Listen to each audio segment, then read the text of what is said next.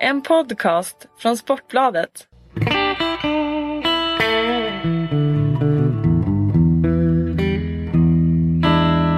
Då hälsar vi hjärtligt välkomna tillbaka till vår lilla studio där vi varje torsdag spelar in Sportbladets Premier League-podd. Mitt namn är Patrik Syk och mitt emot mig sitter Kalle Karlsson. Det är du och jag idag Kalle.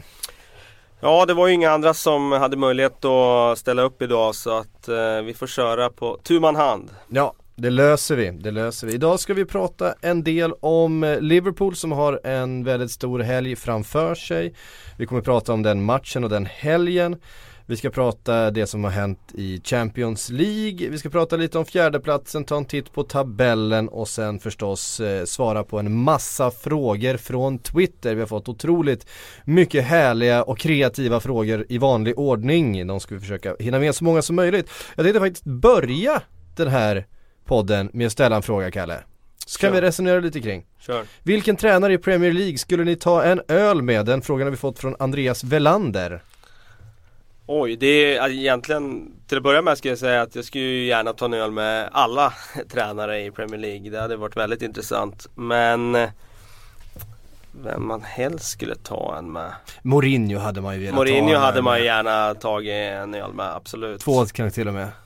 Undrar hur Mourinho blir när han blir full. Brendan Rodgers verkar ju vara en ganska eh, Eh, skön lirare också. Så, eh, och dessutom glödhet för tillfället och har ju väldigt intressanta tankar tror jag om, eh, om fotboll och sin ideologi och sådär. Så han tror jag hade varit intressant att ta en eh, öl med. Men Mourinho och Brendan Rodgers kanske på topp två då. Mm. Om vi börjar i andra änden då, vem, vem, vem är tråkig på puben? Eh, Steve Bruce tror jag kan vara en, en kille som stöter folk lite ifrån sig snarare än, än inbjuder till ett, till ett härligt samtal. Ja det är möjligt. Eh, Steve Keen, nu är inte han Premier League-tränare längre men han, kände, han hade ju problem där i Blackburn. Han hamnade i någon eh, Han var ju på puben där och hamnade i någon ordväxling där som hamnade i någon eh, eh tabloid sen. Om hamnar man i en ordväxling så är det ju Tony Pulis eller Sam Allardyce man vill ha med sig, eller hur? Ja precis, det känns som uh, hårdföra typer som som inte backar upp en om man skulle hamna i någon form av dispyt. De mörka ögonen under skärmen på Tony Pulis keps, de ska man inte leka bort. Eh, vi börjar som sagt i eh, Liverpool den här veckan. Vi försöker prata lite mer om ett lag varje vecka. Eh, vi har pratat om Everton, vi har pratat om United och Chelsea eh, och lite sådär de senaste veckorna och eh, med tanke på den helgen som nu är förestående för just Liverpool kan det väl vara lite extra intressant att ta en titt på vad som händer på Merseyside och på Anfield Road. Inte minst så är det 25-årsdagen för den tragiska Hillsborough-katastrofen som eh, kommer uppmärksammas bland annat med eh, uppskjutna starttider för matcherna på lördag. Man startar sju minuter senare, vet du varför? Ja det var ju för att matchen avbröts där på Hillsborough då efter sju minuter. Efter sex minuter och sen har de lagt till en tyst minut också. Ja okej okay, det är så de har tänkt ja, just det, det stämmer. Så så är det.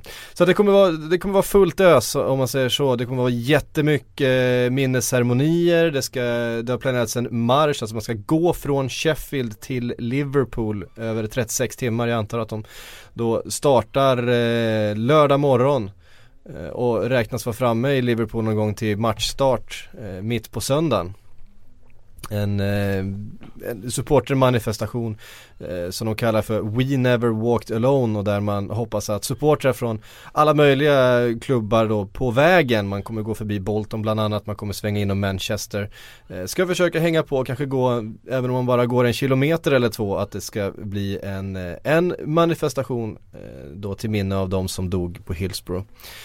Och så förstås så har man det som har kallats för den största matchen i, på 24 år på Anfield Road. Eh, en seriefinal kan vi väl kalla det mot Manchester City. Hur är dina känslor Kalle inför, inför den matchen? Nej men det är klart att det här, det, man ser fram emot det med en enorm spänning för att eh, den här matchen kommer ju förmodligen att och avgöra var ligatiteln hamnar. Chelsea spelar bort sig själva lite med den där förlusten mot Crystal Palace. Nu gick de vidare i Champions, vilket jag tror kanske kommer ta lite av deras energi här nu i sluttampen. Så att jag ser Liverpool och City som de som i första hand gör upp om ligatiteln och det är klart att den här matchen kommer bli eh, nyckeln. Går City och vinner där borta då blir det oerhört svårt för Liverpool att komma ikapp. Eh, å andra sidan om Liverpool tar den här hemmamatchen då stiger de fram som stor favorit till att faktiskt eh, gå hela vägen. Mm. Om vi bara tittar på, på Liverpool som stad och för den föreningen, vad skulle det betyda? Vi kan, om vi jämför det då med Champions League-segern 2005, hur skulle en titel rankas tror du utav folket i staden? Minst lika högt tror jag. Det, det har ju suttit som en, liksom en tagg den här eh, liksom ökenvandringen som Liverpool har gjort nu egentligen sedan den senaste titeln. Och hela den här Premier League-eran när alla pengar har kommit in i engelsk fotboll och de har fått liksom avundsjukt fått snegla på Manchester. Först United då som eh, dominerade 90-talet och första delen av 2000-talet. Och få titta liksom, få se hur liksom ett Chelsea kommer från i princip ingenstans, få in en rik ägare och också slår sig in där i toppen. Och sen nu på senare år då med Manchester City som också liksom har stigit upp som en ny kille på, stol, på skolgården då kunna slåss om titlar. Och så har man som Liverpool fått brottas med att kanske inte ha de resurserna, eh, få se spelare lämna eh, och inte kunna konkurrera riktigt. Att då efter alla de här åren som har varit eh, liksom såklart frambringat en enorm smärta, det vet väl du om inte annat.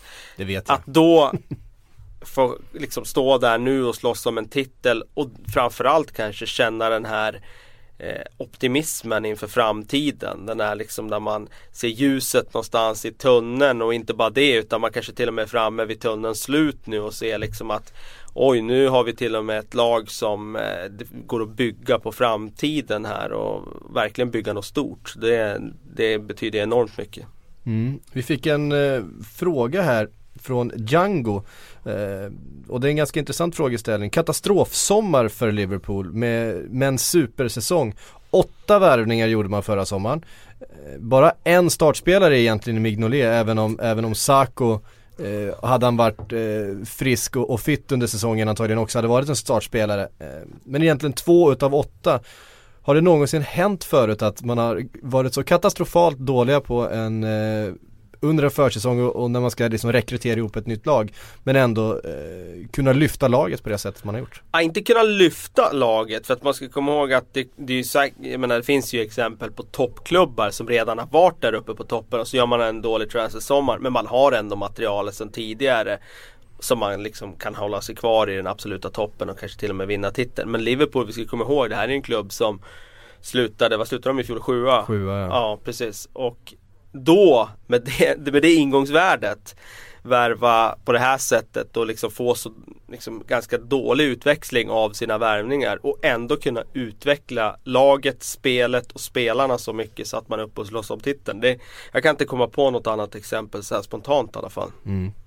Eh, det här uttrycket almost like a new signing som eh, Arsene Wenger har eh, dragits med, den kan man faktiskt applicera på en par av de här spelarna som har klivit fram. Jag tänker mig en Raheem Sterling till exempel när Liverpool nu under vinterfönstret jagade den där ytten utav, utav riktig klass, någon som skulle kunna vara komplementet till Suarez och Sturridge. Man jagade Salah, Konoplyanka.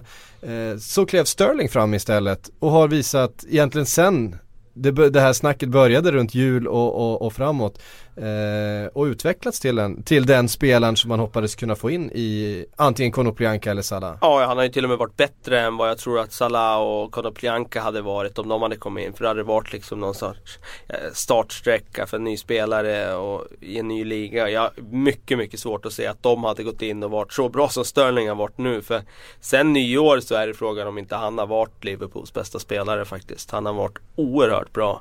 Mm. Eh, och bidrar ju på ett sätt, inte bara bara som ytter. Vi har ju matchen mot Manchester United när han klev in i en central roll och gjorde det otroligt bra också. Så att eh, han håller på att utvecklas till en eh, riktigt, riktigt bra spelare. Vart ser du hans framtid då på planen? Ja, jag skulle nog se det som ytter ändå, trots allt. Eh, det känns som att det är den eh, positionen han är mest eh, alltså bekväm i. Sen är det klart att eh, han är fortfarande så ung så att han kan ju utveckla spelförståelse och så. Så att man kan ju kanske se han gå in i en central roll i framtiden. Men närmsta tiden ser jag honom som ytter. Om man skulle jämföra honom med spelare som, som han har jämförts väldigt mycket med den väldigt typiska snabba yttern, en Theo Walcott, en Aaron Lennon. Eh, för Liverpool-spelaren Jermaine Pennant kanske, som ju också slog igenom väldigt unga, levde mycket på sin snabbhet. Hur skulle du jämföra honom med, med just den spelartypen och de spelarna? Jag tycker väl att han har lite större register än, än de spelarna på det sättet att han Han eh, han har lite fler dimensioner i sitt spel. Han eh, inte, inte bara peta och sticka och få bollen på yta bakom, bakom backlinjen och springa utan han, han kan låsa upp låsta försvar också genom att eh, hitta väggspel, eh, jobba på väldigt små ytor och eh, även som framspelare har du faktiskt också sett han eh, göra eh, alltså väldigt, väldigt intelligenta lösningar här. Så att, eh, jag ser han nog som eh, en större begåvning än de du nämnde. Mm. Manchester City på söndag, förstås ett lag med eh, otroliga resurser, inte bara i, i, pengar men man har också otroliga spelarresurser i truppen och i laget. Kun Agüero sägs vara spelklar till på söndag. Hur mycket betyder det för det laget? Det betyder mycket med tanke på att eh, Negredo har ju tappat sin form. Och Dzeko ser jag ju inte som den här eh, eh, spelaren som går in och gör i stormatcherna gång på gång. Han, visst, han kan blixtra till och han gör ofta mål mot lite sämre lag. Ofta som inhoppare, väldigt nyttig. Men allround-spelet mot de stora lagen där tycker jag han eh, har visat brister sett över tid i alla fall. Så att eh, det är klart att det betyder mycket. Sen är det ju tveksamt vilken form han är i Agüero. Håller han för hur många minuter? Det vet vi inte. Men det är klart att få in Agüero är ju såklart en jätteboost. Mm. Där har vi ju pratat en del om, om Citys centrallinje, att den är så bra när den är som bäst. Eh, men vi har samtidigt kastat ganska mycket skit på en på en Demikelis till exempel som väl ändå har gjort en, eh, en ganska bra vår, vårsäsong här. Absolut, hans misstag har ju fått väldigt mycket uppmärksamhet och han har gjort dem kanske i fel läge i matcher där Ett par ganska avgörande misstag har Absolut, han gjort. han har gjort avgörande misstag och han har gjort dem i matcher där hela världen tittar på och han har blivit lite till en eh, ja, skämtfigur sådär i vissas ögon men vill ändå trycka på att i matcher av mindre dignitet här har han faktiskt gjort det väldigt, väldigt bra. Och framförallt faktiskt då när kompani var borta. Han tog ju en utvisning där och de gick ner med 10 man borta mot Hall och då var det Demikelis som tog över kommandot i försvaret och verkligen styrde de bakre leden. Och han var väldigt bra även i matchen sen när kompani var borta. Så att han har en stigande formkurva och han, han ses ju som första valet nu bredvid kompani. Och sen ska man ju säga att mycket av den här kritiken fick han ju efter att han misslyckades som spelmotor mot, mot Barcelona i Champions League. Jag menar det är ganska många klassspelare som har misslyckats i den rollen mot ett högt pressande Barcelona. Så det ska väl egentligen inte kasta allt för stor skugga över honom. Nej, han har visserligen han eh, hade problem där i den matchen där. Han var väl mittback då men eh, Var han det? Jag, ja, jag har för mig, för mig att han spelade bredvid Jaja där uppe.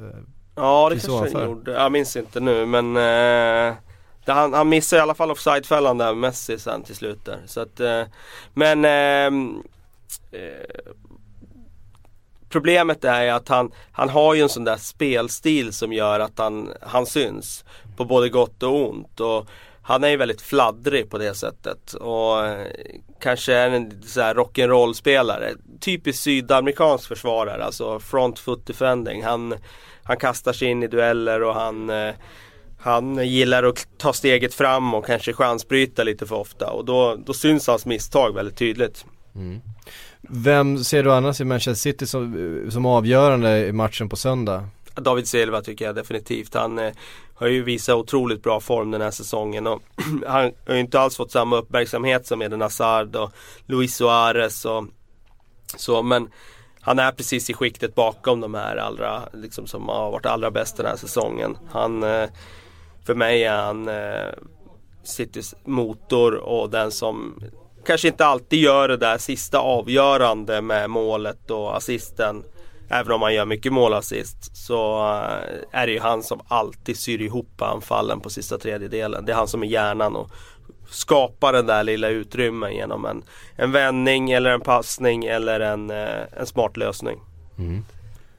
Det om den matchen på söndag, det är ju förstås den här omgångens höjdpunkt för, eh, ja inte bara för oss Liverpool-supportrar och, Manchester City-supportrar utan jag tror för alla som uppskattar engelsk fotboll. Men det har ju spelats fotboll i en annan liga i veckan. Vi har haft en, eh, ska vi kalla det för en skräll att, att Chelsea vände eller ska vi bara konstatera att Mourinho gjorde det igen? Med utgångsläget 3-1 så, så var det ju lite överraskande tycker jag ändå att de, att de vände. Eh, men det går ju aldrig att räkna bort Chelsea. Eh, och det går framförallt aldrig att räkna bort en José Mourinho som Han har ju den där konsten att eh, eh, se till så att hans lag gör det som krävs för att vinna matcher och det gjorde han igen. Eh, mm. det spelar ingen roll om hur det ser ut eller, eh, eller vilka lösningar han tar till men han har spelare som är beredda att springa hela vägen in i, in i döden för att vinna. Och, det och, han, och han själv var beredd att springa vid, vid 0-2 målet och, han, och det ser ut som att han sprang ner för att fira men han hade ju instruktioner han, han, var tvungen, han var tvungen att ge eh, framförallt då sina anfallare som var inne på planen instruktioner hur de skulle bete sig nu när eh, anstormningen skulle komma med ungefär ja, 4-5 minuter ordinarie speltid plus några minuter tillägg då. Jag förstår helt och hållet hans tanke för att eh, det är ju svårt att eh, alltså, få ut budskap till spelare på plan. Eh, och framförallt efter ett mål sådär och så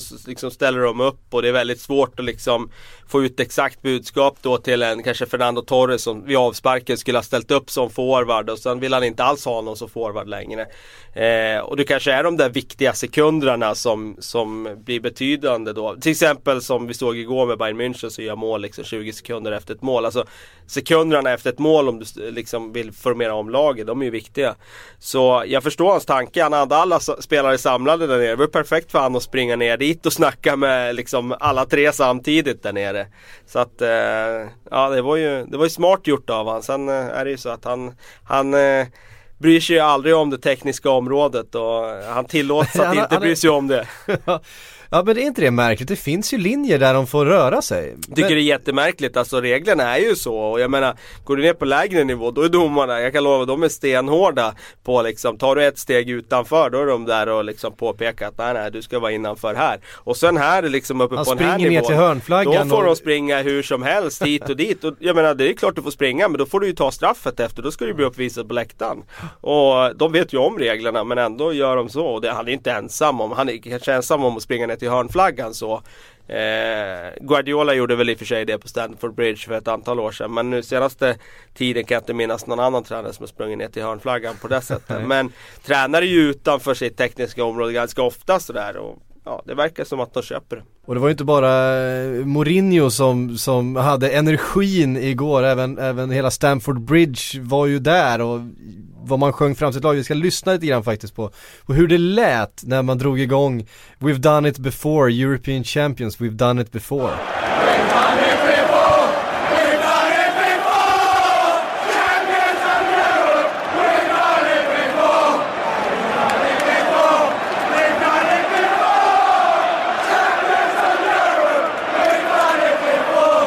det där är mäktigt. Ja, verkligen. Och det kändes som att de de osade väl lite vad, vad som var på väg där redan när de fick det där 1-0 målet tidigt, eh, Schürrle där. Och sen vet de ju att de är så otroligt ramstarka bakåt. Och så det också med Mourinhos taktik var ju uppenbarligen helt rätt. Nu har man ju fått förstått här att det han inpräntade i spelarna innan här det var ju att gör vi 1-0 så, så ska vi inte fortsätta ösa på framåt utan vi ska ha tålamod istället. Det spelar ingen roll om målet kommer liksom ja, när det kommer egentligen. Vi är trygga i att vi kommer göra två mål på hemmaplan. För det gör vi nästan i varje match. Det hade han sagt till spelarna och de, det känner de, eh, ja, känner de sig trygga i. Och ja, det där målet kom ju till slut. Han fick rätt som, som han så många gånger får. Kommer de fortsätta sjunga nu då in i semifinalen? Kan de utmana? Det kan de absolut göra oavsett vilken motståndare de får. Jag tror inte något lag vill möta Chelsea för de är så otroligt ramstarka bakåt. Och Eh, även om de kanske inte var det i Paris men det var ju en sån där undantag som man verkligen höjer på ögonbrynen för att det är väldigt sällan man ser dem släppa in den typen av mål. Mycket beror på lottning. Jag tror att eh, får de Bayern München så är det såklart att det blir oerhört jobbigt. Eh, även om Bayern kanske har tappat lite fart de senaste veckorna så får ju de ses som stor favorit. Får de Real Madrid så självklart kan de vinna men jag, jag tippar ju Bayern eller Real Madrid och har sagt det länge här att de kommer ta titeln i år. Så att där tror jag att de får problem. Atletico Madrid ser jag ju som en riktig vinstlott jämfört med de andra två. Med tanke på att dessutom då att Courtois inte, förmodligen inte kommer spela då i de matcherna. Han har ju dessutom skrivit in en klausul när de lånar ut honom att eh, de måste, Atletico måste betala en summa till Chelsea för att få använda honom. Och tydligen är den här summan så pass stor så att de inte är beredda att betala den. De har ju inte så mycket pengar att röra sig med Atletico. Det är så alltså att, att Courtois kommer inte vara aktuell om det är så att man lottas mot, mot just Chelsea? Achereso, deras eh, klubbdirektör här, han säger att de inte kommer att eh, använda honom, inte kommer att ha råd att använda honom mot Chelsea. Vilket skulle vara jättetråkigt såklart. Mm. Eh, och då kommer ju förstås frågan, vi har ju också fått den på Twitter därifrån Grim Båtelsson. Hur tror ni Mo tänker framöver? Lyxproblemet Check eh, versus Courtois inför nästa säsong då? Säljs någon eller kommer man behålla båda och försöka rotera på något sätt? Nej, båda kommer inte vara i samma klubb nästa säsong. Det är helt otänkbart. För båda är alldeles för bra för att liksom vara rotationsmålvakter. Och det där har ju blivit problem. Förut var det ett lyxproblem. Nu ser jag det lite som ett problem. För att Courtois själv vill ju inte egentligen vara utlånad längre utan nu, nu har han varit utlånad ett tag och nu vill han nog ha en permanent. Men det senaste jag hörde var ju att det kanske blir ett år till då. Samtidigt så Peter Cech är ju född 82 och han är ju bara 32 i år. Jag menar han har ganska många år kvar som toppmålvakt. Så att det kan ju bli så att Courtois får vänta och vänta och vänta på sin chans. För att hans problem, Courtois, är att han är en av världens bästa målvakter. Men Peter Cech är ju också det. Och Peter Cech är ju så mycket Chelsea. Så de kan ju inte Även om det kanske skulle vara bra för klubben på sikt och liksom jobba in Courtois redan nu. Eh, så är ju Cech för stor i Chelsea liksom för Chelseas klubb, för deras fans och för lagkamraterna för att de ska kunna säga till Check att nej men tack nu ska vi satsa på Courtois. Så att, han tillhör ju den där, den där grundstommen i Chelseas trupp med liksom en John Terry och, och så vidare. Ja, väldigt populär, spelar i omklädningsrummet ja. också, väldigt sympatisk och en av de här eh, spelarna som har eh, hög status i den här Chelsea-hierarkin. Mm. Så hur tror du de eh, kommer göra då? Hur tror du kommer... Jag tror det slutar nog med att det blir sådär ändå att de lånar ut han ett år till till Atletico Madrid då, och, och så får vi se. Du tror inte att de släpper ny... honom? Nej det tror jag inte för att eh, eh, det har ju pratats, han... om, det pratats om att man ska använda Courtois för att få loss en Diego Costa till ja, exempel. Ja det skulle vara en sån lösning då i så fall. Det skulle vara en sån lösning Kanske till och med vara beredd att släppa, släppa Torres också. Ja. Ja, det, det har de mindre problem med än att släppa Courtois. Det, det gör de nog gärna. eh, nej men eh, det skulle vara en sån lösning då med tanke på att de vill ha in en top striker. Så att kanske skulle vara en bra lösning för alla parter då. Mm. Vi har fått in en annan fråga som rör Chelsea också ifrån Simon Tellson. Eh, han undrar lite om Matic roll i Chelsea. Vad tillför han eh, som redan nu gjort honom till helt ordinarie och så viktig för laget? Ja, fysik framförallt. Han är ju ett monster. Eh, både eh, liksom när han vinner närkamper i, i luftrummet och han har ju en, eh, alltså en eh, pondus på plan som gör att han inger respekt för motståndarna. Sen har han ju dessutom visat att han har många andra egenskaper också som kanske andra stora spelare inte har. Han är ju väldigt kraftfull när han tar fart med bollen. Eh, svårstoppad då också ett otroligt bra skott och dessutom ett väldigt fint passningsspel. Så att eh, han är ju en komplett spelare som eh, har blivit den här mittfältstrategen som Chelsea egentligen inte haft nu sen egentligen Michael Essien eh, började drabbas av skador. Alltså den här tvåvägsspelaren som, som eh, vinner slaget om mittfältet. Mm. Lampard är lite en annan typ av spelare, mer offensivt lagd så. så att, eh, Ganska typisk Mourinho-spelare egentligen. Ja, Alltså ram, ramstark, bidrar verkligen till, att, till den här stabiliteten och, och Eh, vill, du vin, vill du bygga en defensiv mur då har du ju gärna en Matic framför din backlinje. För han stänger ju igen och släpper ju ingen över bron. Så att eh, det har ju blivit jättelyft. Samtidigt får man ju säga att de går ändå till semifinal i Champions här nu utan, utan att han är med och bidrar. Så att de är ju, de är ju bra även utan honom. Mm. Det var ett annat lag som spelade så sent som igår, Manchester United föll med flaggan i topp får man ändå säga mot ett Bayern München som de flesta har tippat som segrare det här, eh, den här upplagan utav Champions League. Eh, blev 3-1 till slut då på, eh, ja, i München. Eh, vad betyder det för Mois fortsättning till att börja med? Eh, ja, blir, han, kan, blir han kvar nu? Ja, liksom? Räck, räcker det här? Man kan, ju, man kan ju ta alternativet då. Säg att de hade blivit sopade av banan eh, här i de här två matcherna och förlorat hemma med 0-3 och förlorat borta med 4-0.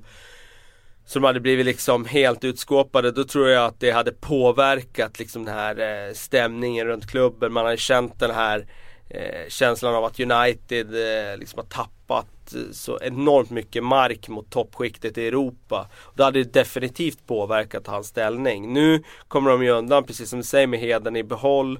Eh, de, gör, de gör det bra eh, tycker jag i gårdagens match. De spelar otroligt bra försvarsspel första 60 minuterna. De gör 1-0 och det hade varit väldigt intressant igår att se om de hade kunnat hålla den där 1-0 ledningen lite längre. Se om Bayern hade blivit lite nervös då. Nu får de ju det där 1-1 målet direkt efter och sen känns det som att Bayern skruvar upp det en, en nivå och då, då känns det som att de springer iväg med det ganska enkelt, tämligen enkelt till slut faktiskt. måste bara säga någonting om Arjen Robben där. Alla vet ju vad han ska göra när han får bollen. Alla vet, ah, ah, han, han, han, han skär in och letar skottläge. Absolut. Men ändå så gör, han, så gör han det med sån framgång så ofta. Ja, samtidigt så är det ju det där att han gör ju inte det varje gång. Eh, även om alla säger att han gör det varje gång så kolla på honom så han gör ju inte det hundra gånger av hundra. Utan ibland sticker han ju på den andra sidan. Och det enda, han är ju så pass snabb.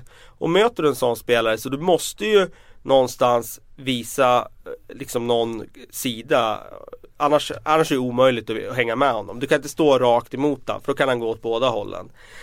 Så att du får visa honom, säg att du visar honom eh, högerfoten då så att han får gå runt åt höger. Ja men då är han ju så pass snabb så då kommer han ju peta och gå runt dig på den sidan. Och det gör han ju då när de verkligen stänger hans vänsterfot. Då går han ju runt ofta på den sidan, eh, på den andra sidan istället. Så att han är, är väldigt det, svår att möta. Och det är ju farligare då helt enkelt för då är han ju förbi dig på ett annat sätt än Ja precis, alltså, oftast får du ju understöd av en spelare inåt i plan. Det är därför han ofta får gå inåt i plan med sin vänsterfot. Och man såg ju igår, första halvlek, ja men då hade de hela tiden understöd mot honom. Då kommer han ingenstans. Han vänd, viker in förbi första spelaren, förbi Kagawa, men så kommer nästa spelare och då har han understöd. Men vad händer när han gör målet? Jo, det är när United då har flyttat fram. Plötsligt har inte Evra understöd. Och då är det ju omöjligt egentligen att ta en sån spelare. Det är ju samma sak med Messi. När du kommer mot Messi och han, alltså du inte har understöd, då viker ju han mot sidan och trippar förbi. Så att eh, jag kände direkt när han fick bollen där, liksom, då kände jag okej, okay, nu inget understöd, nu är det ju livsfarligt liksom. Mm. Och det var det ju också. Jag brukar ofta tänka på den här eh, yttern som, som Liverpool hade för några år sedan, Alberto Riera. Mm. Som, Riera, som eh, bara hade en fint. Ja som, som sprang där och han gjorde alltid samma sak och det gick bra i början tills backarna hade lärt sig vad, vad som komma skulle och då var han helt ineffektiv och, och fick inte uträttat någonting. Eh, men där är också skillnader i kvalitet på spelare och spelare där Robben är så pass mycket bättre egentligen så att ja. eh, det helt enkelt handlar om kvalitet. Du nämnde Evra där och det är ju lite intressant att, att ta upp. Han gjorde ett drömmål igår verkligen. Ja det får man han, säga. Han gör ju inte speciellt ofta mål.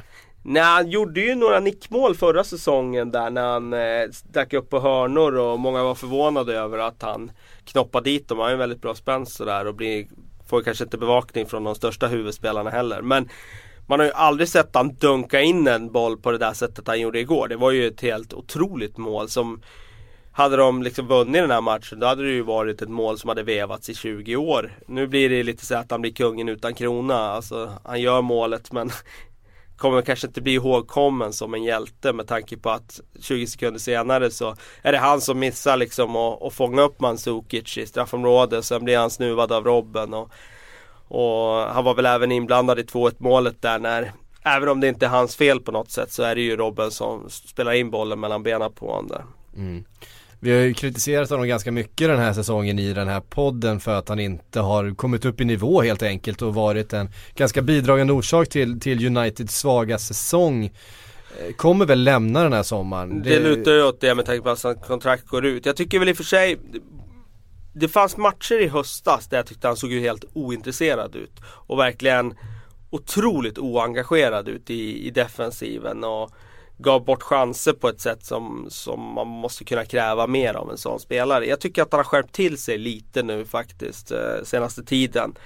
Han, är, eh, han har varit okej okay nu senaste tiden. Inte, inte som han en gång var såklart men eh, okej okay. och problemet för United har ju varit att de inte haft en, en tillräckligt bra ersättare. Byttner har väl inte hållit den nivån som man kan kräva av en United-spelare. Mm.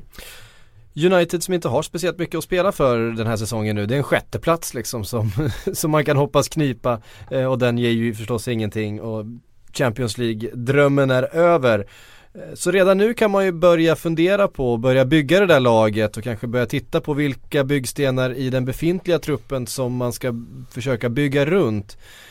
Vilka byggstenar ser du att man ska försöka behålla, lyfta fram och göra det nya Manchester United av? Eh, det blir ju automatiskt en generationsväxling i backlinjen nu när Vidic går, Evra förmodligen går. Och Ferdinand kommer förmodligen också försvinna. Det är tre tunga pjäser som har varit fundamenten det senaste decenniet.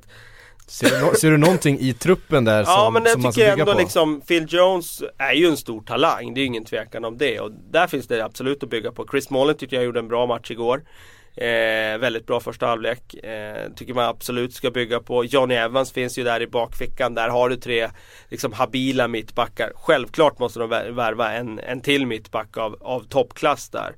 Men de tre tycker jag absolut man ska bygga på. Rafael är väl värd att vara kvar och få liksom en chans till och bli den där Rafael som, som många trodde han skulle bli när han kom fram. Och sen behövs det en ny vänsterback av toppklass såklart. Eh, sen på mittfältet så Carrick får väl vara kvar eh, något år till. Eh, jag tror att han kommer att vara avsevärt bättre om han får rätt mittfältskomplement. Eh, Fletcher är definitivt värd att ha kvar med sitt hjärta och sin eh, Faktiskt eh, det han bidrar med tycker jag sen hans comeback. Jag tycker han, han ger laget eh, dimensioner som de inte har när han inte är med.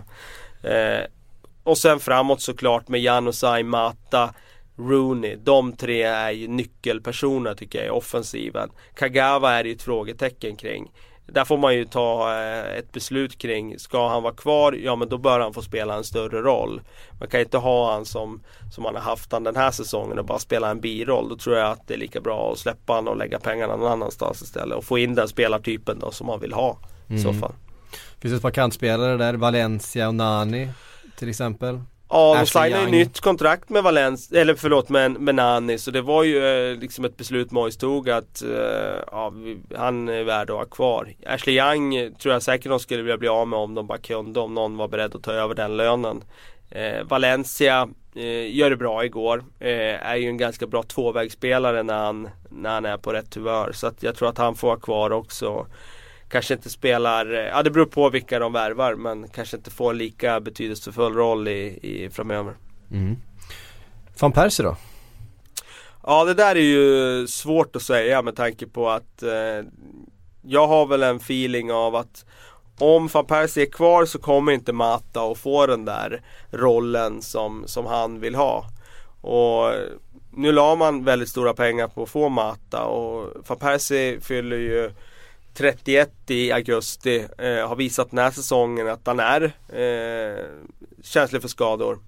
Vilket innebär att eh, får man ett bra bud på van Persie i sommar så är inte jag, jag tycker inte det vore helt dumt att kanske släppa honom faktiskt. För att eh, i så fall skulle ju Rooney kunna ta klivet upp och bli striker. Eh, där han ofta levererar, inte igår, kan ha berott på skadan. Eh, och Mata skulle kunna få den där nummer 10 rollen. Eh, som jag tror krävs för att Mata ska göra det som han är köpt för. Mm. Intressant, det kommer bli en spännande sommar eh, i Manchester, lita på det. Vi rör oss vidare mot eh, kampen om fjärdeplatsen där ju en holmgång eller ska vi kalla det det? Det var det ju faktiskt inte, det var ju en överkörning eh, i helgen när Everton spelade ut Arsenal. Faktiskt. Ja, fullständigt. Eh, det var en eh, otrolig styrkedemonstration av Everton faktiskt. Eh, ibland har de ju de där matcherna där hemma när de känns som nästan oslagbara. De får med läktarna på ett sätt som att eh, spelarna kanaliserar, liksom, de kanaliserar den där energin från läktarna och den tajta arena och det blir ett enormt tryck och, och, spelarna liksom lyfts fram till höjder som man inte tror de ska vara kapabla att nå. Och det kändes så faktiskt i den här matchen. Och sen att de liksom spelare som, som jag själv har ställt mig frågan, liksom Steven Naismith liksom som plötsligt liksom spelar så. Ja, var kom han ifrån liksom? Det, det är ju ingen klassspelare. Nej, nu har han ju i och för sig spelat eh, ur position tidigare och spelat mycket ytter och sådär. Där har han ju verkligen inte gjort några avtryck. Eh, alltså i början av säsongen var det ju folk som skrattade åt honom. Han gjorde ju segermålet där mot Chelsea någon match tidigt på säsongen där och det var liksom det enda han bidrog med under hela hösten. Och nu får han i och för sig spela striker då och utnyttja sina löpningar och det har han ju gjort otroligt bra de senaste två omgångarna här. Så att, eh, nej från ingenstans men det finns ju så många spelare att lyfta fram från, från den här matchen. Vi, vi gör ett litet tankeexperiment här. Eh, vi har fått från Joey Baba på Twitter. Eh, vilka i Evertons 11 hade platsat i Arsenals 11? Då tänker vi de 11 som startade eh, i söndags. Eh, Baines. Definitivt. Seamus Coleman. Eh, ja. Mirallas? Ja. Lukaku? Eh, ja. Ja. Jag kastar in en Gareth Barry. En Gareth Barry ja. istället för en Arteta till ja, exempel. absolut. Ja, där har vi ett halvt lag. Där har vi ett halvt lag. Eh, och sett till den här matchen nu så var ju Ross Barkley liksom kan man ju också argumentera för. Eh, så att eh, ja, det, det, är några stycken. Det, och det är ju ganska spännande med tanke på att det är Everton och Arsenal vi pratar om. Det, det är klubbar med helt olika förutsättningar. Mm. Nu ska vi i och för sig komma ihåg då och, att och ambitioner också. Ja, ja, Arsenal har väl en massa skador Absolut, och det är klart att när förstås. de är ordinarie så är det väl inte säkert att lika många spelare som, som går in så. Men eh, det är klart att eh, det, det, du la fram nu det visar ju vilket otroligt bra arbete Everton har gjort. Dels eh, genom att värva spelare med små resurser genom åren men också genom att utveckla de spelarna man har. Som Seamus Coleman till exempel som, som kom från eh, Gaelisk fotboll liksom på Irland och värvades för 300 000 pund tror jag. Och eh, har verkligen utvecklats till en toppback i Premier League. Och Roberto Martinez lanserar ju honom som en av Europas bästa ytterbackar och sett till den här säsongen så är han nog det. Mm. Otrolig, otrolig utväxling på, på den spelaren. Hur tror du det slutar då? Kan Arsenal hålla undan trots allt? De har ju ett betydligt lättare spelschema ska man komma ihåg. Everton har väl båda Manchesterlagen kvar, eh, på hemmaplan visserligen. Ja, jag tror att det fäller avgörandet, just det här spelschemat. Eh, att eh, Arsenal, det här måste ju rimligen bli en väckarklocka för dem. Och med tanke på att de har rätt tacksamt schema kvar så tror jag att de tar sig kragen, lyfter sig. Nu fick Får väl tillbaks ett par spelare också, Ramsey tillbaka, tillbaka bland annat. Det kommer bli ett lyft. Eh, så att jag tror att de grejar det. Everton tror jag faller på målsnöret. Och har vi sett, liksom, vi har ju dömt ut Arsenal tidigare och deras chanser att nå fjärdeplatsen men de lyckas alltid greja det. Och jag tror att det blir så eh, den här gången också. Samtidigt så har man ju den där känslan också av att de kommer ju förmodligen vinna den där FA Cup-titeln den här säsongen. Då, då skulle det vara så typiskt om de vann FA Cup-titeln och liksom bröt den där titeltorkan och samtidigt då missar den här titeln som Wenger har kallat det. Mm. Det vill säga fjärdeplatsen. Precis. Eh, väldigt spännande ska det bli att följa den också förstås. Vi tar en liten tabellkoll tycker jag. Eh, och toppen har vi pratat en hel del om. Men om vi tittar lite längre ner, om vi till exempel tittar hela vägen ner. Eh, Sunderland, Cardiff, Fulham just nu på nedflyttningsplats. Eh, och nu är det faktiskt eh, ganska många poäng. Det är fem poäng mellan Fulham och Norwich. Som ju möts. Ja det är en helt sjuk eh, utveckling där att eh, Fulham går och avgör i, i, i, sista minuten här senast mot Aston Villa borta där och sen ska de möta Norwich nu i nästa omgång som, som verkligen ligger på platsen ovanför. Så det är, ja, snacka om sexpoängsmatch. Mm. Vinner Norwich då har de ju säkrat kontraktet. Eh, och förlorar de, ja då är, det, då är det ju helt öppet inför slutomgångarna. Ja. Kan Fulham lösa det här? Vi har ju dömt ut dem precis som vi, som vi har gjort många gånger den här säsongen, dömt ut lite olika lag. Eh, inte minst eh, Crystal Palace som vi, vi trodde var helt avhakade när, när Tony Pulis kom ja, in och vände precis. på den steken. Yeah. Kan Magat göra samma sak med Fulham? På de få, de få omgångar han hade på ja, det sig. Det som talar för att han ska kunna göra det då, det är ju att han får chansen nu med tanke på att de möter Norwich som är väldigt formsvaga och som sparkar tränaren nu dessutom. Och Norwich har ju jättetuffa matcher kvar. Efter den här Fulhams-matchen då ska de möta Liverpool, Chelsea, United och, och, Arsenal. Vilket innebär att det kan ju vara så att de inte tar någon poäng mer. Så att eh, tar de den här matchen i helgen då får de ju faktiskt ett gratisläge här och gå ikapp. Mm. Eh, så att, eh, Norwich, Norwich Liverpool vet vi hur det brukar sluta. Eh, Suarez favoritmatch. Ja precis och Fulham har faktiskt ganska tacksamma matcher kvar. De har ju Tottenham kvar, de har Hull kvar, de har Stoke kvar, de har Crystal Palace hemma i sista omgången. Mm. Så att Ja, med det sagt så eh, Vinner de i helgen då tror jag att de kommer att greja kontraktet faktiskt. Mm. Eh, de kommer gå om eh, Norwich. På bekostnad utav Kanariefåglarna? Ja, jag tror att det kan bli så faktiskt. Och även om, nu med, med tanke på schemat då, så även om de skulle torska i helgen så så finns det i alla fall en liten, liten, liten chans att de skulle kunna gå ikapp ändå. Mm. Favoritspelare i Norwich? Wes Hulahan eh, får det bli i mitt fall. Eh, jag tycker att han, eh, han har ett väldigt stort spel i sig och eh, används han rätt så är han otroligt sevärd. Jag håller med, det är, en, spelare jag gillar. Vi har fått en fråga här från eh, Fabian Mattsson och jag gör det här som en liten segway in för nu ska vi svara på lite frågor. Vi har fått många roliga eh, som jag hoppas kan bli till diskussioner. Fabian Mattsson har skrivit så här har ni någon ovanlig, förutom Peter Odenvinge, favoritspelare i Premier League? Själv har jag Kenwan Jones Kalle, har du någon, någon alltså sån där, lite doldis? Ja men jag är ju sån som faller för spelare och eh, jag har ju favoritspelare överallt eh, i varje lag. Mm. Eh, så att eh, Plocka upp några då. Ja men jag måste Vi kan väl ta några här från, från botten, eh, bottenstriden. Du sa Hulahan till exempel. Ja men Sunderland, då är det ju klart att jag är svag för Key. Jag är väldigt svag för centrala mittfältare och han eh, tycker jag är ja, Han har väldigt, väldigt stort spel i sig. Så att eh, Sunderland skulle jag nog säga Key. Cardiff, vad ska vi ta där?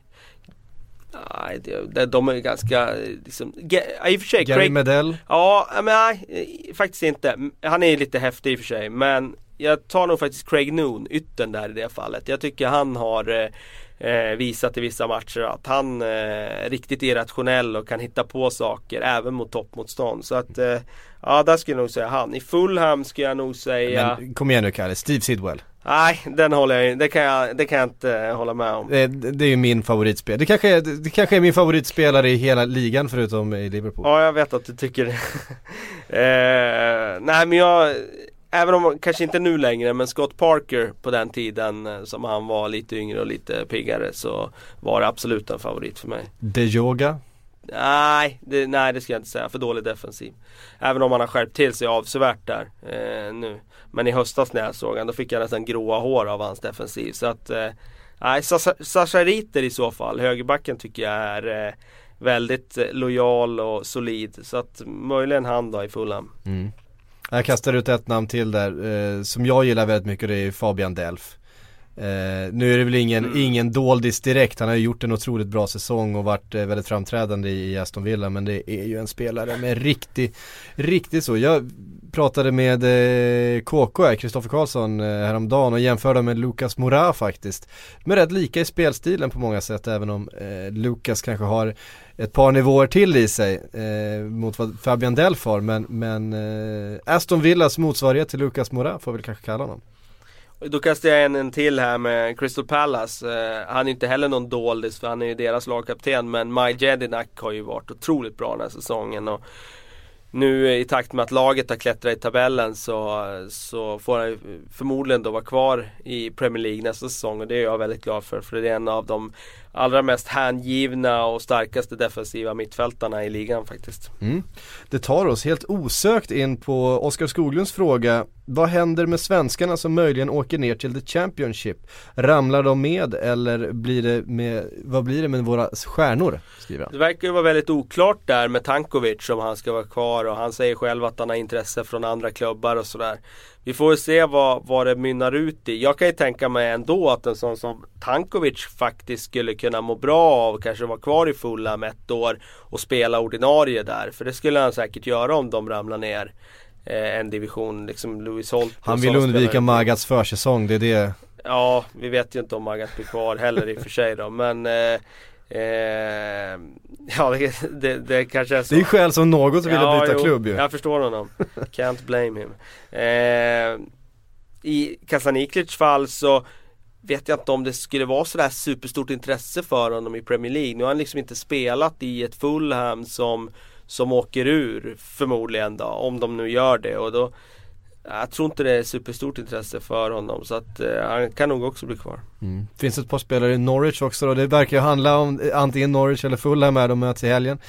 Um... Martin Olsson tror jag absolut det kommer finnas intresse för. Han har gjort en bra säsong i, i Norwich faktiskt. Han har inte fått så mycket uppmärksamhet här, i, eh, här hemma i Sverige för sina insatser. Men han har faktiskt varit en av Norwich bättre spelare den här säsongen. Så att eh, jag kan absolut se att han får eh, en livlina tillbaka till, till Premier League faktiskt om Norwich skulle åka. Johan Elmander visserligen på lån. Ja, han kan jag inte se bli kvar. Har han en framtid i, i engelsk fotboll? Nej, det tror jag inte. Han är eh, lite mer till åren också. Eh, så att eh, jag tror inte att han har det och han har inte jag gillar Elmander på det sättet att man alltid vet vad man får ut av honom. Ett stenhårt jobb. Men han har ju inte rent statistiskt några siffror att visa upp för en potentiell intressent nu i sommar. Utan eh, det blir nog svårt att få en ny arbetsgivare och satsa på en forward som inte gör några mål. Mm. Eh, och i Sunderland så har vi förstås Sebastian Larsson. Ja, där kan jag inte tänka mig att Som han har haft en, en, en, usel säsong får man säga. Ja, det har varit en riktigt tung säsong för, för Seb. Han var ju väldigt, väldigt bra förra säsongen. Så att eh, eh, jag skulle nog se det som att, eh, eller var det två år sedan han var bra? Nu blandar jag ihop säsongen här.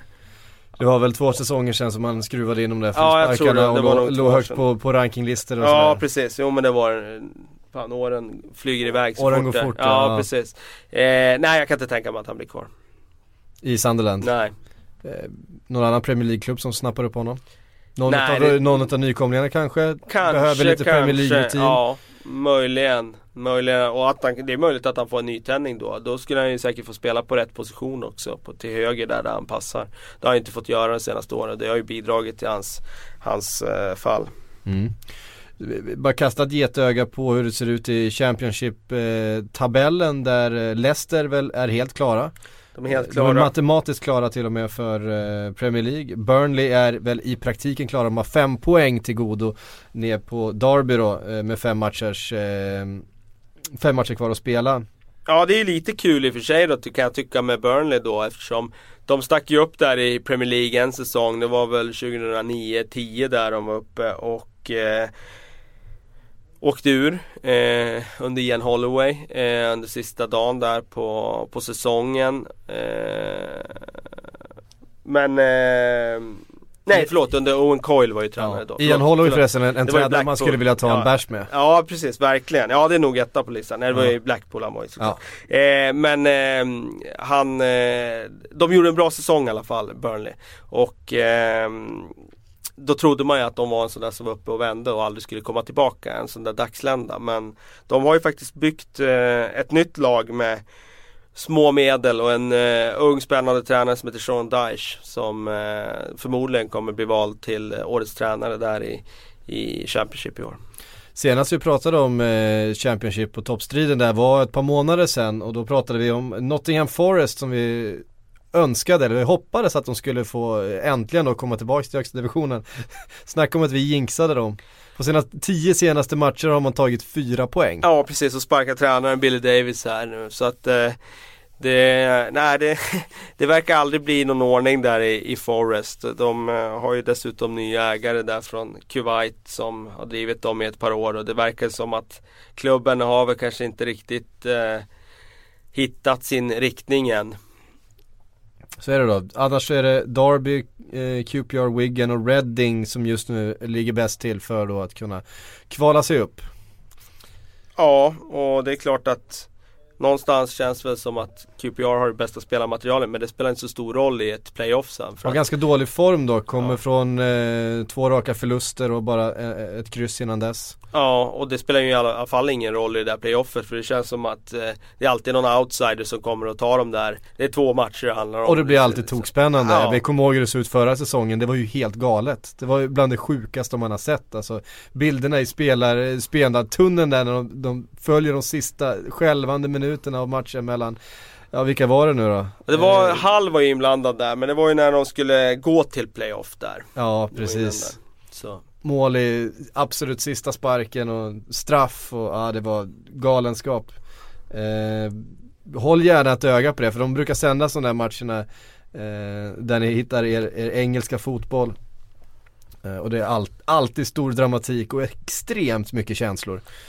Eh, underbart. Vi tar en till fråga. Erik Andersson undrar så här, vilka spelare i klubbar på nedre halvan och i, i Championship förtjänar, borde gå till en större klubb i Premier League? Vi var inne på favoritspelare där, vi nämnde Key, han tillhör ju egentligen Swansea då Ja, de ligger i och för sig på nedre halvan ja. Så att, eh, det är väl en spelare som kanske skulle kunna ta ett kliv upp på övre halvan och göra det bra Steven Colker tycker jag väl också eh, i Cardiff har gjort en bra säsong Skulle absolut kunna ta ett kliv upp till eh, till en klubb på övre halvan. Mm. Eh, jag menar för mig så skulle han Det var ju... lite märklig, märklig, märkligt att Tottenham släppte honom tyckte jag. Ja, det kan man tycka. Det var lite överraskande där men de blev lite att de fick lite hybris? Ja, de tyckte väl att de hade tillräckligt med mittbackar men problemet med Tottenham är att de drabbas ju alltid någon gång under säsongen av mittbackskris i alla fall. Så att de hade nog behövt Corker den här säsongen. Mm.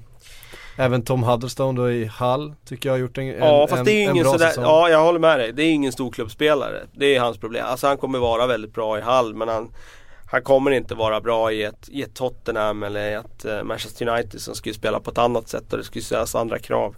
Så att uh, jag tycker nog att han är på, på rätt plats. Fabian Delf kanske då? Ja, Aston Villa, Benteke också. Benteke. Uh, tycker man ju borde, borde rimligtvis befinna sig på den övre halvan i, i Premier League med, mm. med de egenskaperna som Sen de har. Sen skulle jag kunna säga en sån som Wilfred Boni eh, Inte mm. som startspelare, absolut inte, men som inhoppare är han ju intressant för ett lag på övre halvan eftersom han gör ju mål och han är en bra boxspelare och nu i vår när han verkligen har fått förtroende så har han faktiskt petat in en del bollar. Så att eh, Boni som en backup-spelare på övre halvan, absolut. Mm. Eh, vi går vidare, Henrik Lövgren. Det här, är en, det här är en sån fråga som jag gillar. Lista Premier Leagues brutalaste spelare. Vem i Premier League orsakar flest skador på motståndare? Eh, Charlie Adam är väl Charlie Adam ligger bra just nu. Till. Han är ju inte den man tänker på så, för han är ju en ganska skicklig spelare med sin vänsterfot och bra passningsspel Han är ganska oskicklig men, tacklare Men, ja och lite brysk sådär, lite elak, alltså går in fult och Det har väl varit eh, Bland annat skadade han ju Gareth Bale här om året och nu var han ju på någon ny här Vem Han har varit på Tottenham, eh, det är inte bara Bale utan, eh, han, han, han har varit lite ja. Sen kan jag tycka att Phil Jones, honom vet man ju aldrig varit på. Han kan ju skada både medspelare och motståndare när han kommer Men framförallt, framförallt sig själv skadar han ju. Det är, alltså, han har ju en sån spelstil som gör att han eh, kommer ju aldrig vara, han kommer alltid dras med skador. För han kastar sig in hejdlöst i dueller på ett sätt som gör att han kommer alltid få smälla själv. Och han är inte riktigt street smart på det sättet eh, som, som man bör vara som fotbollsspelare utan han går in hejdlöst jämt och eh, då, då kommer du att åka på dina törnar också. Ryan Shawcross En ganska ja, tuff, tuff kille. Det är det väl. Cattermole. Eh, Cattermole är en tuff spelare. Vi snackar brutala. Brutala, ja. Mm. Cattermole kan vara ganska brutal. Ja det kan han vara. Det kan han vara. Eh, också så skulle jag säga att Martin Skertel kan vara ganska brutal ja, det kan han i, i, sina stunder. Eh, annars ganska ont om brutala spelare i topplagen. Eh, det fanns ju alltid tidigare en Vera eller en, en eh, Roy Keane eller Ja, men jag tänker nästan mer på de här liksom doldisarna som var riktiga retstickor. Det fanns en spelare som hette Michael Brown förut som spelade i Fulham bland annat. Han var ju en sån spelare som Han var ju ful hela tiden och liksom riktigt hård och eh, sådär som går dig på nerverna. Och han var ju oerhört effektiv på att få bort motståndarlagets liksom, spelmotor för att han låg alltid och tuggade hälsenor liksom och låg som ett plåster på dem. Så att eh, nu är inte han kvar i Premier League men han såg jag som en sån spelare som var kanske etta på min lista då. Om, om vi tittar hela Premier League-eran då, vilken är din favorit hardman? Nej men Duncan Ferguson alltså som eh, någonstans. Big Dunk. Ja, Big Dunk alltså. Ja. Nej, det var en, det var en, på- det var en stygg jävel. Ja, det var en stygg jävel och det är ingen som du vill gå in i, i straffområde och brottas med. Vassa armbågar På- på och ha med- enormt stark. På tal om att ha med sig på krogen också om det blir lite råkul. Ja. Kom väl direkt från, från finkan ut på, och, och spelade match två dagar efter han muckade från eh, fängelse. ja, jag tror det var så. Ja, det, är en, det, är en, det är en spelartyp som vi ser för lite av i de högsta divisionerna i dagens fotboll tycker jag. Vi tar nästa fråga. Eh, Henrik Lövgren igen faktiskt. Finns det någon Premier League-spelare som inte skulle ta en plats i ett allsvenskt topplag? I så fall vem? Nej, det, Nej. det vet inte fan om det finns alltså. Det finns ju ett par bra exempel där faktiskt med spelare som har eh, gått till och från eh, allsvenskan. Vi, vi har ju en Marcus Rosenberg som inte fick egentligen en spelminut i ett West Bromwich som är ett bottenlag. Eh, går in direkt och är, är given startspelare förstås i Malmö FF, kanske den störst, en av de största stjärnorna i, i hela ligan. Ehm, Joss Hojfeldt. Eh, som, som, kanske är en av Premier Leagues sämsta spelare. men, ja, men var eh, förstås för bra för allsvenskan kändes som när han spelade för ja AIK. det var ju. Han var ju en av Allsvenskans bästa spelare då. Och kommer till Southampton och de vågar knappt ha honom på plan för att han eh, orsakar ju baklängesmål och straffar i en, eh, i en utsträckning som absolut inte håller för ett Southampton. Så att eh, Ja det säger väl en del och jag funderar på där om det kanske finns någon sån här ung spelare som liksom hoppar in någon minut här och där liksom. En, en Connor Wickham eller liksom en, en, eh, en Callum Woodrow i, i Fulham. Men jag tror även Callum Woodrow 18 år och Moussa Dembélé eh, 17 år i, i Fulham. De skulle gå in i vilket allsvenskt lag som helst och göra stora avtryck. Så att svaret är nog att nej, det finns ingen Premier League-spelare som inte skulle gå in. Nej, vi såg ju en eh, John Guidetti komma direkt från akademin i, i eh, Manchester City dominera i, i Brommapojkarna. Ja, Och dominera med ett lag som inte hade egentligen så mycket övrig kvalitet utan göra det nästan på egen hand. ja.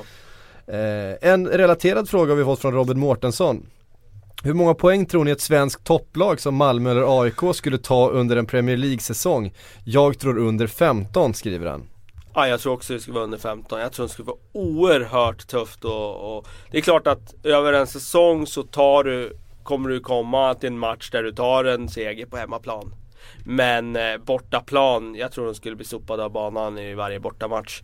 Eh, så att, eh, ja. Att tar de, tar de 10 poäng så ska de 10-12 vara, poäng liksom. Det, vara, vara ganska nöjda. ja, jag tror det. Eh, För det, de poängen man tar kommer i, i ganska hög utsträckning vara kryss.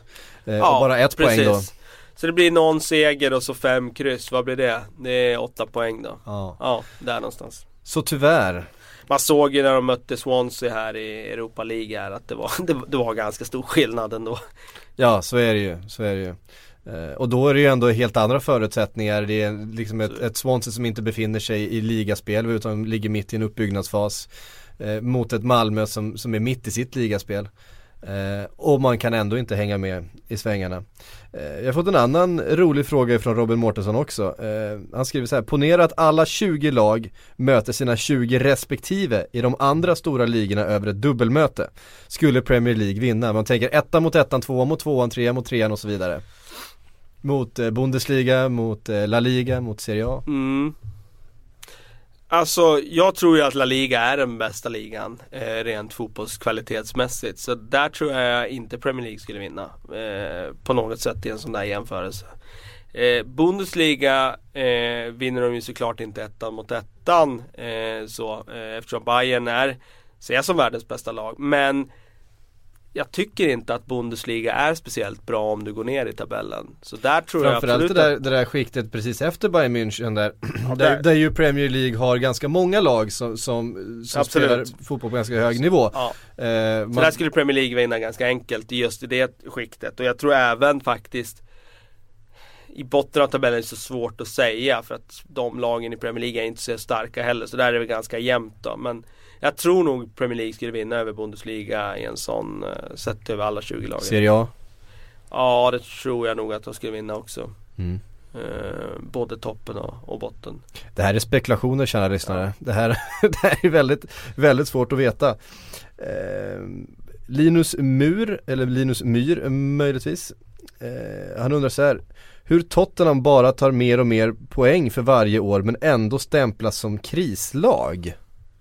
Ja, den, den kan vi få ta vi som, som skriver och pratar om, om Premier League och, Men, och sätter eh, stämplar. Jag vet inte om det är Men någon gör- som gör stämplar eh, Tottenham som krislag nu. Däremot blir det ju en naturlig följd om man sparkar tränare och, och sådär va. Eh, då är det klart att eh, det blir liksom i efterdyningarna av det. Men och sen är det väl också en följd av om man eh, liksom med spelare som man köper in om de misslyckas så är det klart att det också påverkar. Men jag kan köpa hans, det han liksom, hans tanke här att de är ju kanske så eh, en klubb som liksom tar små, små steg i rätt riktning. Men eh, kanske förväntar sig mer eh, av dem. Vad, om vi tittar på Tottenham då, de var ju väldigt optimistiska inför den här säsongen, hade ju värvat otroligt mycket spelare, spelare som skulle gå rakt in i startelvan. Eh, fick man inte alls utväxling på eh, några utav dem, till exempel en Erik Lamela vet man ju inte ens vart han är någonstans. Eh, hur tänker Tottenham tror du när man kliver in den här sommaren och eh, inför kommande säsong?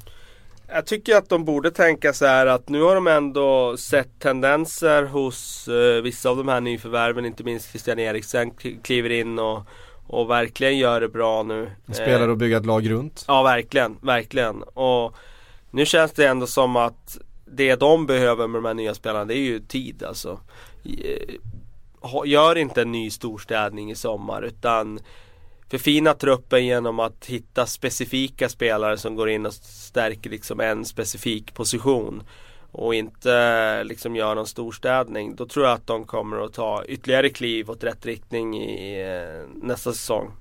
Hur stor del har eh, Soldados oförmåga att knappt ens delta i, i spelet hur, stor, hur stor del har han i att Tottenham inte har fått ut eh, allt av den här säsongen? Nej men det är klart att det har ju påverkat såklart och han köptes för stora pengar och när han inte levererade i början så var han ju ändå i den situationen att han hade den statusen så han fick nya chanser och nya chanser och nya chanser och Han gjorde ju ändå sina straffmål där i början och, och, och var med liksom i skytteligatabellen och sådär de första ja. sex, sju omgångarna så, så pratades han ju ändå om som, som ett ganska lyckat nyförvärv. Så där ser man vad det har betytt att få in en spelare som Adebayor som har så många fler egenskaper och som är en komplett anfallare. Det har ju gjort att Tottenham eh, har blivit eh, ett riktigt vasst lag här på, på ja, sen nyår då. Så att eh, jag tror att eh, Soldado har, eh, hans oförmåga att stoppa in bollar i nät där under hösten var, var en stor anledning. Mm. Eh, en helt annan fråga har vi fått härifrån William Johansson. Varför har nästan inga Premier League-spelare skägg? Jag vet inte, jag har inte funderat så mycket över, över den eh, frågan faktiskt. Har du någon teori? Ja, alltså jag, jag tror att det, det handlar förstås mycket om det rådande brittiska modet förstås. Man, man befinner sig ju på de brittiska öarna. Eh, och eh, där har man ju ett speciellt, men där är det ju inte mycket skägg alltså. Det är ju inte, det är ju ganska mycket fotbollströja och träningsbrallor eh, som, som anses vara det heta, men det är inte mycket skägg. Eh, Kanske om man kommer till, till liksom eh, London, lite, lite hipster storstaden, kanske man sk- skulle man förvänta sig. Det har ju en Kabul som har haft skägg liksom, då är det lite hipster Man kan Tottenham säga sådär. att Olof Mellberg, han bar upp fanan rätt bra där under sina år i Aston Villa där. Han gjorde det. Ehm, ska vi ta en fråga till? Vi tar från Ola Lövgren som eh, trillade in precis nu. Ta ut en elva med de mest kontroversiella spelarna i Premier Leagues historia. Kan vara både plan och utanför. Eh, Joey Barton är väl eh, ganska given. Han är ganska given ja. Roy Keane är väl ganska given. Ja, otroligt. Eh, Suarez måste ju vara Suarez självklart. Måste vara med där. Ja. Eh. ja det är väl det, nej, Vera var ju kontroversiell på många sätt på planen, inte så mycket utanför. Nej. Ja där har vi Duncan Ferguson igen. Ja. Med sitt fängelsestraff, med sin eh, sina magsopar. Det finns ja, en... Lee Boyer har väl sin, eh, sin CV också. Ja. Eh. Alltså jag, jag skulle kunna slänga in John Terry där. John Terry såklart. Mm. Han ska in där. Ja, det ja, men jag tror vi, vi har ju i alla vi fall ju, vi, Sen har vi ju liksom eh, Adams, gamla, ja, gamla Arsenal-backen med sina alkoholproblem. Ja. Eh, Niklas Bentner. Bentner har vi. Nu, har vi, nu är det väldigt mycket forwards vi pratar här och, ja, Adams ja, Terry, Terry Adams Terry Adams har vi ett bra mittlås Ja, men inga sådär liksom galna tyska målvakter sådär du vet som, som det, tyska målvakter är ju alltid ja, vi har, galna vi har liksom. vi, men liksom vi har inga den typen av målvakter som eh... Inga, sådana skandaler Nej. direkt Ja det är Mark Bosnich då som han Eller i, i och för sig då om vi, vi går tillbaka till Bruce Grobelar Ja jo det är klart. Han, han får väl ta, han, han får, får ta, på sig målvakts, målvaktshandskarna ja, Absolut. Inte minst efter spelskandaler och eh, lite sådana saker efter karriären. Mm. Sen var han ju eh, en karismatisk person jo, i, i övrigt också Ja, det har ju funnits några, några att ta av det får man säga. Eh, men, men Det kändes ändå som vi eh, fick med grädden där. Vi fick det va? Ja, jag tror det med Barton, Keen, ja. Terry, Suarez. Ja. ja. har, vi, har, vi, har vi missat någon uppenbar så får ni höra av er till oss så ska vi komplettera den här listan till nästa vecka. Eh, det får avsluta den här veckans eh, Premier League podcast från oss på Sportbladet. Vi som har pratat heter Patrik Syk och Kalle Karlsson. Prata med oss i vanlig ordning via hashtaggen på Twitter, Sportbladets PLP, så hörs vi om en vecka igen. Ha det fint, hej då!